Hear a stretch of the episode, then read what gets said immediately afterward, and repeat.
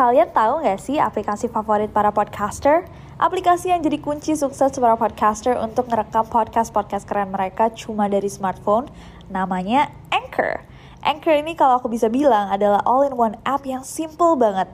Gak heran kalau para podcaster bilang bahwa aplikasi inilah kunci kesuksesan dari podcast-podcast mereka.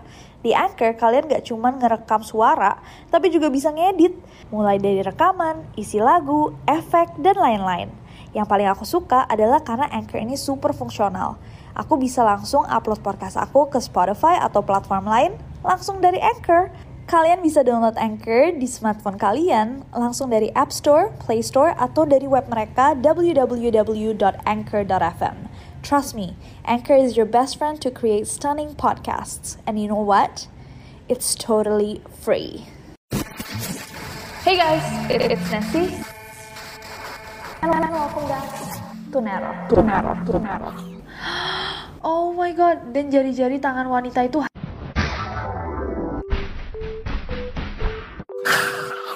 Welcome to Neror, and this is Spooktober. Hey guys, it's Nessie, and welcome back to Neror. Welcome to another Neror Spooktober edition. Hari ini kita akan membahas sekali lagi sesuatu yang sangat-sangat spooky. Kalau misalkan di video-video kemarin kita ngomongin foto-foto terakhir atau pengalaman-pengalaman terakhir orang sebelum akhirnya mereka menemui mautnya, hari ini kita membahas sesuatu yang bahkan lebih creepy lagi. Apa yang terjadi ketika kita akhirnya menemui maut, namun tidak ada satu orang pun yang bisa dimintai pertolongan. Dan jasad kita tidak ditemukan untuk waktu yang lama tanpa dikebumikan.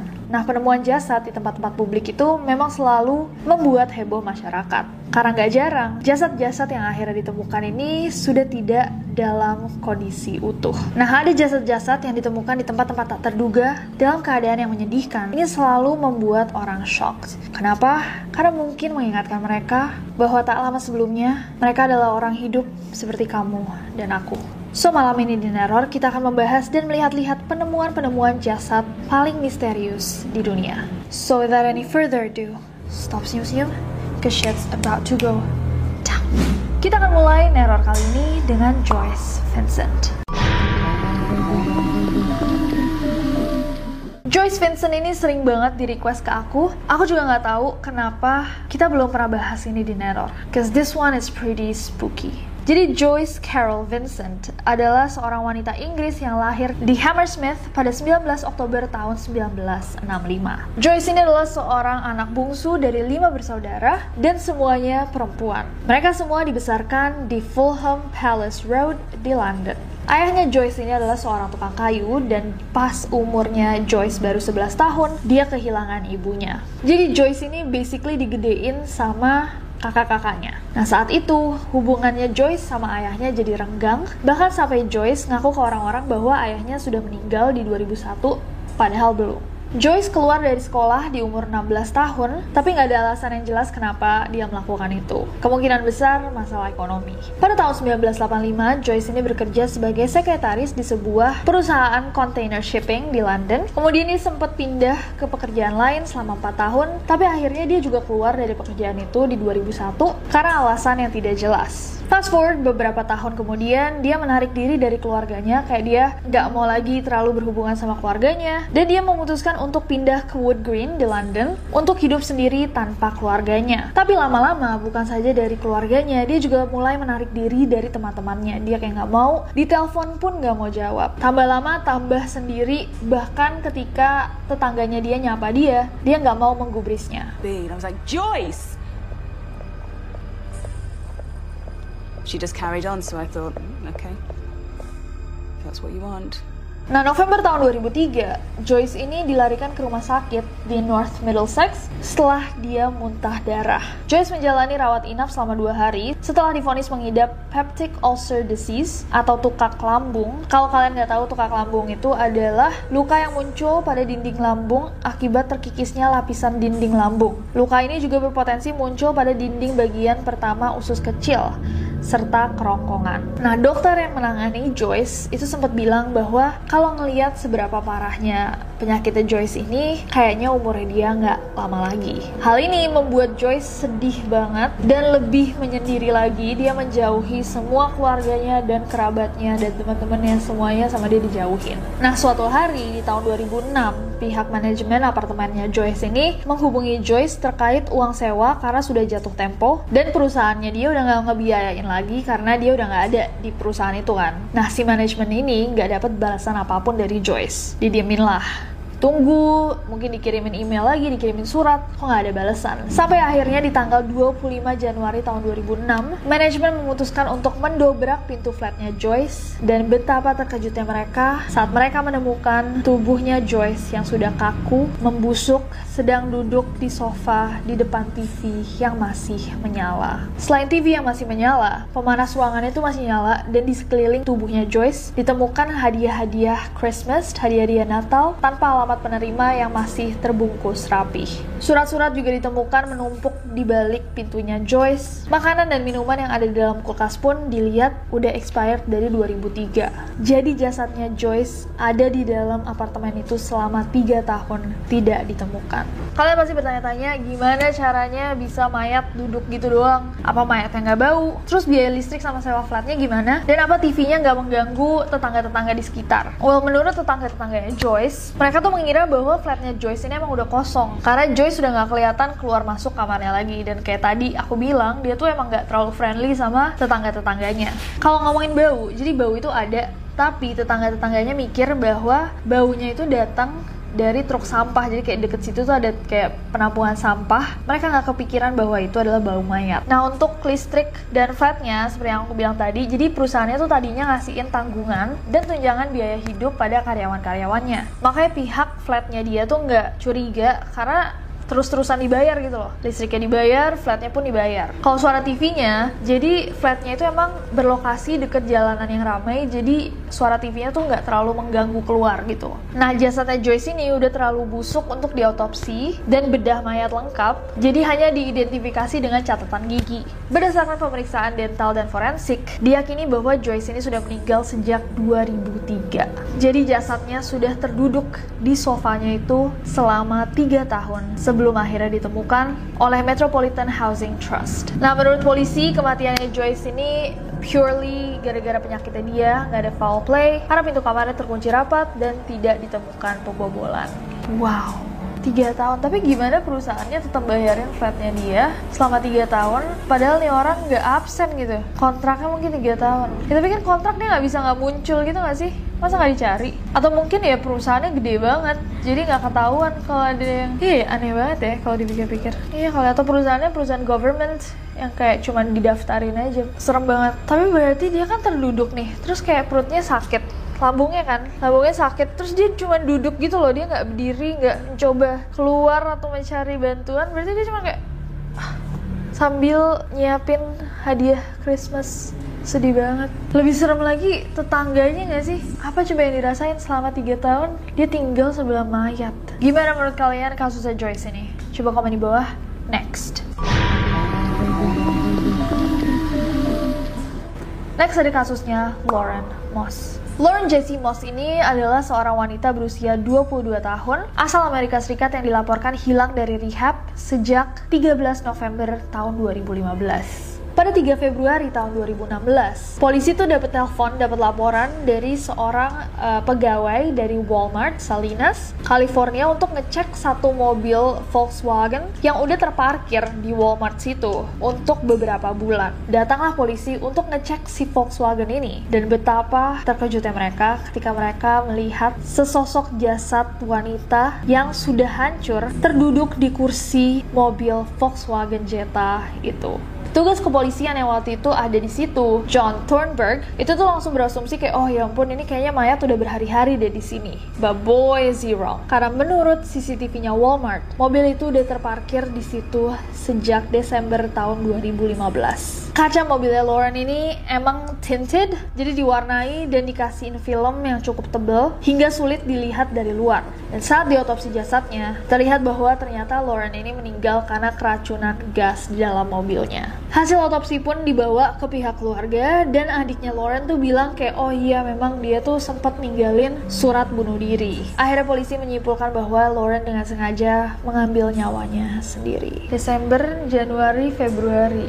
Iya kalau misalkan benar dia mengambil nyawanya sendiri, tapi kalau misalkan dia ternyata dalam situ membutuhkan bantuan, segitu bahayanya kaca mobil yang terlalu gelap nggak sih? Kayak makanya banyak negara-negara maju yang mengharuskan kaca mobil itu terang, jadi bisa dilihat dari luar apakah orang yang di dalam mabuk, apakah orang yang di dalam dalam bahaya, apakah orang yang di dalam musinya sedang tidak menyetir, dan apakah orang yang di dalam masih hidup. Iya gak sih? Serem banget. Eh hey guys, aku mau sedikit sharing sih seputar aplikasi keren yang aku gunain buat bikin podcast ini. Aplikasi ini tuh bisa di-download di App Store atau di Play Store, and it's totally free. Gak cuma buat ngerekam aja, Anchor juga bisa buat ngedit langsung rekaman kalian. Kita bisa langsung nambahin back sound, effects, tambah lagu, bahkan Anchor juga bisa mendistribusikan podcast kita ke berbagai platform lainnya. Kayak aku nih, biasanya aku langsung upload podcast aku ke Spotify langsung dari Anchor. Jadi di mana pun aku berada, aku bisa buat podcast aku kapan pun dan di mana pun aku mau. Karena dia super gampang, aku jadi suka banget nih sama Anchor ini. Daripada kalian kepo, mendingan kalian langsung coba aja buat podcast sendiri pakai Anchor. It's super simple and free.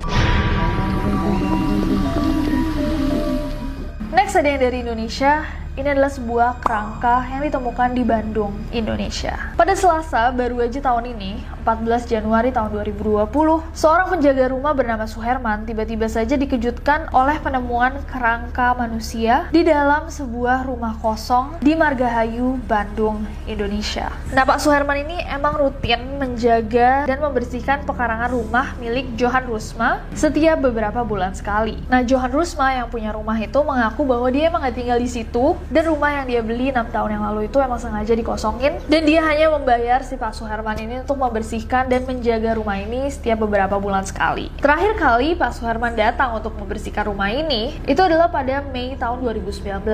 Jadi 7 bulan kosong, akhirnya dia datang lagi untuk membersihkan. Nah hari itu pada 14 Januari tahun 2020 pukul 1 siang, Pak Suherman tuh hendak membersihkan pekarangan, namun dia menemukan kejanggalan di situ. Rumput-rumput yang belum dia potong selama 7 bulan kok kelihatannya udah pendek gitu kayak ada yang ngurus. Selain itu Pak Suherman juga lihat kok ada pohon singkong di pekarangan ini padahal sebelumnya nggak ada. Dia pun ngeliat-lihat keadaan rumahnya dan dia notice, dia sadar bahwa ada salah satu jendela tuh yang pecah. Pintu samping yang biasanya tertutup juga pada saat itu terbuka. Pak Suherman yang sebelumnya tidak pernah masuk rumah itu akhirnya memberanikan untuk masuk untuk ngeliat apakah ada orang di dalam. Betapa kagetnya dia ketika yang ditemukan bukanlah manusia hidup, melainkan kerangka orang utuh terduduk di sofa panjang salah satu ruangan di rumah itu. Kerangka itu sudah terlihat tidak memiliki otot atau daging, yang tersisa hanyalah tulang belulang, rambut kusut sebahu,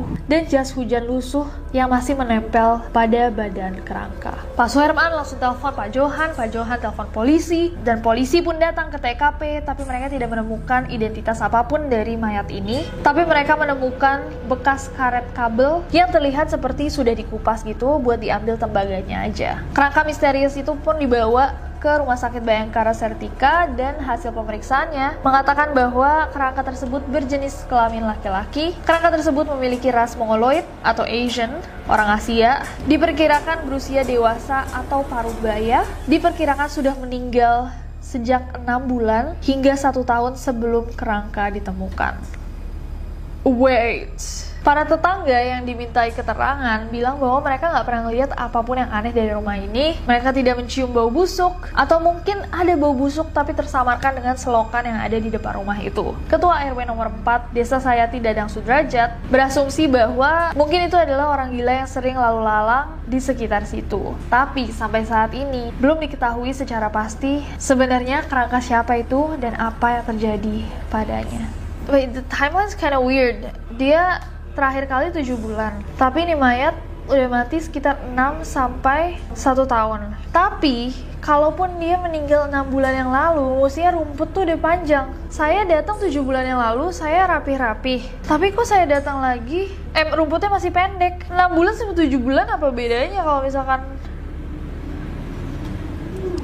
Pak Suherman? maaf, maaf Pak, nggak, nggak, nggak jadi. Gila, tipis banget tulangnya. Kok beda sama yang pertama? Tapi aneh banget kalau 6 bulan sampai 7 bulan yang lalu dia udah bener-bener tinggal tulang doang. Kenapa yang pertama si Joyce Vincent itu masih itu beneran foto Joyce Vincent bukan sih? Really weird. Ada yang motong rumput dan mungkin tulangnya di stage. Nggak bener. Kalau rampok ngapain rampok motong rumput? Ya kan? Hah, ada yang ada yang nggak gitu loh. Anyways, ada orang gangguan jiwa telanjang laki-laki tapi dulu. Kalau sekarang udah nggak tahu. Katanya Pak Dadang Sudrajat. Anyways, kayaknya kasus yang ini bakal bikin aku nggak bisa tidur malam ini kayak sebentar, sebentar. Tapi kita harus move on. Next. Next ada wanita misterius di Beijing, China. Pada 30 Januari tahun 2016, petugas pemeliharaan gedung sebuah flat di pusat kota Xi'an, Beijing, mendapatkan laporan bahwa ada salah satu lift di flat itu yang rusak.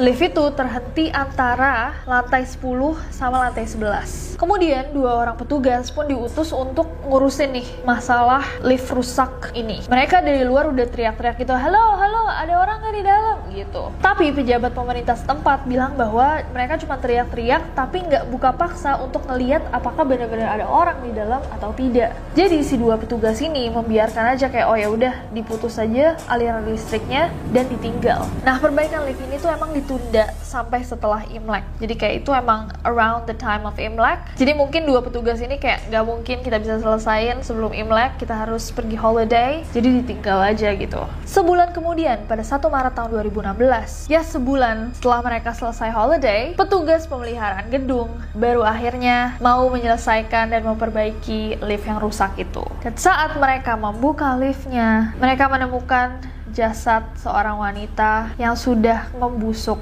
di dalamnya. Oh, my biggest fear. Oh my god. Gila. Jadi dia ah, why? Tragis banget, ay. Kayak cicak tuh?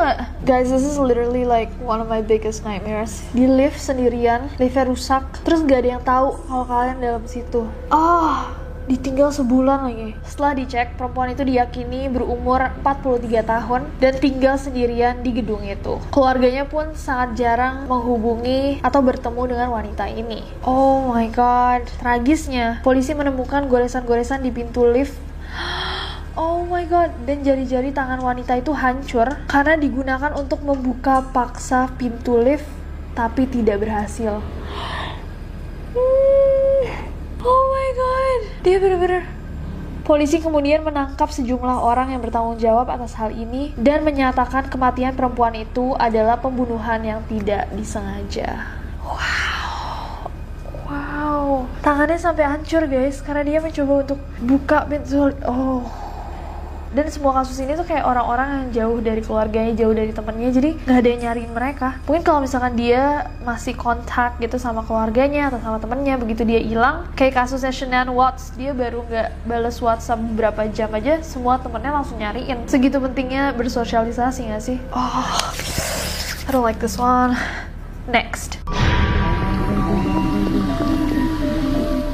Oke okay guys, dan ini yang terakhir, inilah kasusnya Larry Ellie Mario Moncada dari Iowa, Amerika Serikat. Suatu hari pada Januari tahun 2019, pada musim dingin, beberapa orang kontraktor datang ke bekas bangunan sebuah supermarket di Council Bluffs, Iowa, Amerika Serikat bernama No Frills. No Frills ini udah tutup sejak 3 tahun sebelumnya. Pada saat kontraktor ini mencoba untuk membongkar freezer-freezer yang ada di sana, di salah satu freezer yang terletak di sisi supermarket, mereka menemukan sesuatu yang sangat mengerikan. Di balik freezernya ada sosok mayat manusia yang sudah busuk dan mengering. Keadaan mayat itu sangat-sangat menyedihkan dan sangat sulit untuk diidentifikasi. Bahkan untuk menentukan apakah mayat ini tuh laki-laki apa perempuan aja susah. Akhirnya mayat itu pun dikirim ke Iowa State Medical Examiner's Office untuk diotopsi. Dari hasil otopsi, akhirnya ditemukan bahwa mayat yang ada di belakang freezer itu adalah mayat dari Larry Ellie Mario Moncada yang merupakan seorang karyawan No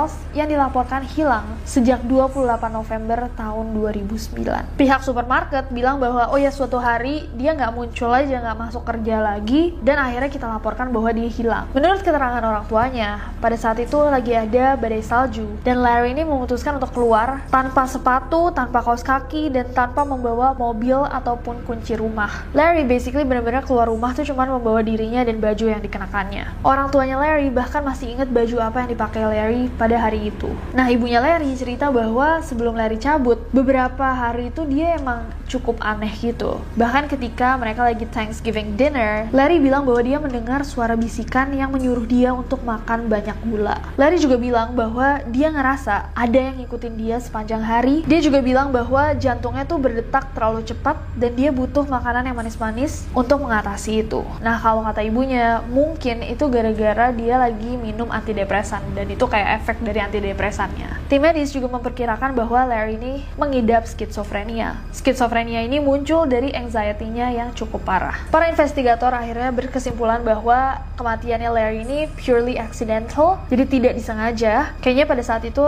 Larry lagi anxious, lagi kambuh gitu dan dia mencari tempat untuk menenangkan dirinya dan akhirnya dia terjebak di belakangnya kulkas itu. Nah, tapi dari situ muncullah banyak pertanyaan. Satu, apakah nggak ada yang nyium bau aneh setelah dia meninggal? Yang dua, kalau dia memang terperangkap, dia pastinya akan berteriak-teriak meminta tolong. Tapi kenapa nggak ada yang dengar?